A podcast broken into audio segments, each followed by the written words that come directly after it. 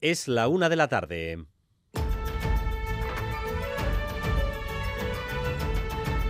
Crónica de Euskadi con Dani Álvarez. A Rachaldeón ha muerto Agustín Ibarrola, una de las figuras clave de la creación vasca del último medio siglo. Apenas unos días después de que su creación más icónica, el bosque de Oma, fuera reabierto. Ibarrola ya descansa para siempre. Y los hijos de mis nietos serán los que jueguen aquí y tengan su parque maravilloso de colores. Ibarrola, artista multicolor, un activista por las libertades, primero militante antifranquista, después contra ETA.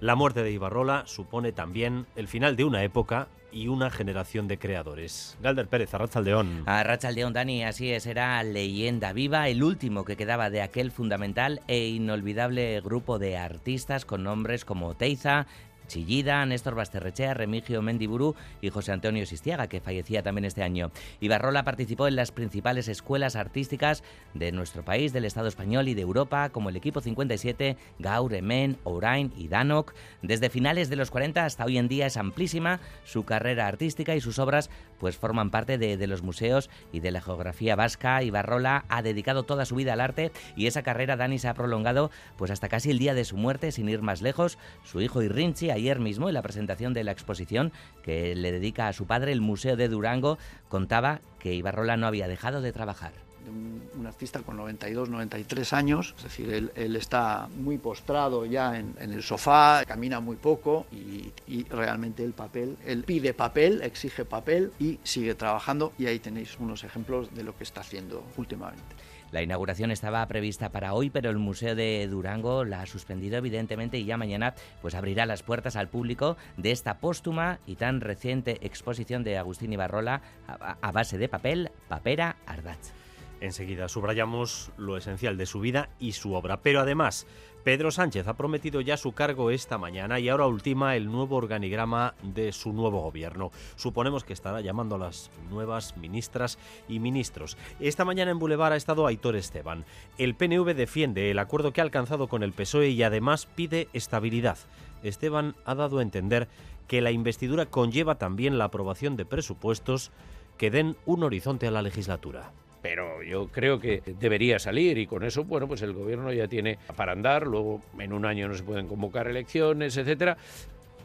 Un gobierno que va a tener que hacer frente a la movilización de la extrema derecha en las calles anoche con más incidentes eh, a pocos metros de la sede de Ferraz. Por cierto, que entre los partidos que están en la mayoría que apoya a Pedro Sánchez, el PNV y Junts ya trabajan en dos comisiones de investigación que los socialistas estarían dispuestos a aceptar.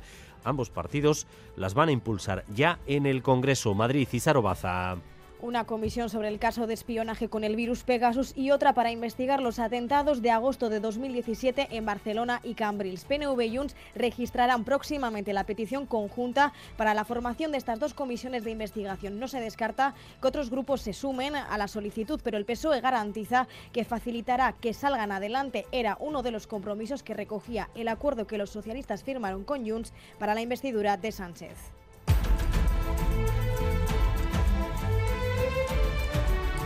Susto en la escuela de Ascarza en Leioa. Un autobús escolar ha roto una canalización de gas a primera hora de la mañana y ha habido que confinar al alumnado. A esta hora la situación está controlada, pero todavía no se ha resuelto esa rotura. Xavier Madariaga, adelante. Sí, Arrachaldeón, la fuga se ha anulado rápido, pero los protocolos de seguridad han obligado a evacuar al alumnado a zona segura, al comedor. Allí han estado una media hora y a la urbanización contigua a la que pertenece el contador de gas dañado también se le ha pedido permanecer en sus casas con las persianas bajadas y todo cerrado. Ocho y media, nueve menos cuarto. Hemos empezado a avisarnos los vecinos por WhatsApp porque estábamos oyendo un ruido como si fuera un chorro de agua, que en realidad era el chorro de gas que estaba expulsando el agujero que se ha formado por el golpe del autobús que salía del colegio de Ascarcha. Y a la vez hemos empezado a oír sirenas de policía, bomberos. A la urbanización todavía no ha vuelto el suministro de gas al colegio. Sí, el centro ha recuperado rápido su actividad y hace ya horas que vemos al alumnado disfrutar del patio. Lo están haciendo ahora mismo, algunos de ellos muy cerca de donde se ha producido la fuga sin ningún problema.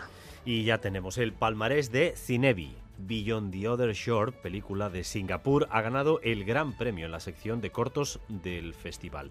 En cuanto a la selección Cinebi First Film eh, de óperas prima, el premio es para In the Rear View, documental que narra el tránsito de personas ucranianas tras la invasión rusa. Hay que destacar también que el premio del jurado joven de esta sección es para la directora vasca Tamara García Iglesias y su película Zarata. Habla Vanessa Fernández, la directora de Cinebi. Es que este año yo creo que la cosecha cinematográfica ha sido muy exitosa. Creo que la calidad de la programación, bien en los cortos, en las óperas prima o en todos los documentales, ha gustado mucho al público. Y qué decir ¿no? de la sección Berto Coveguira dedicada al cine vasco, que aparte que ha sido muy exitosa, yo como directora estoy muy contenta con todo lo que hemos programado. Y vamos también con lo más destacado del deporte, con César Pérez de Gazolaz. Arrachaldeón, César. Arrachaldeón, Dani. Hoy vuelve Vasconia a jugar partido de Euroliga en Lyon, en Francia, y ante el Villerban, con el recuerdo reciente aún del partidazo en Vitoria de este miércoles ante el Barcelona. A las 8, Asbel, Basconia. Y en balomano, encuentro repleto también de alicientes esta tarde en Artaleco, en Irún, Vidasoa. El equipo de Cuétara recibe a la de Mar León, rival directo en la pelea por las plazas europeas de la Liga Sobal. Y en pelota la cita es hoy con la cesta punta en Bilbao, en el frontón deportivo final del Highlight World Tour, se en Coica y Gorka ante Arquiaga y Basque. Las nubes de primera hora están dando paso a cielos despejados. Es la tónica que vamos a tener durante todo el fin de semana.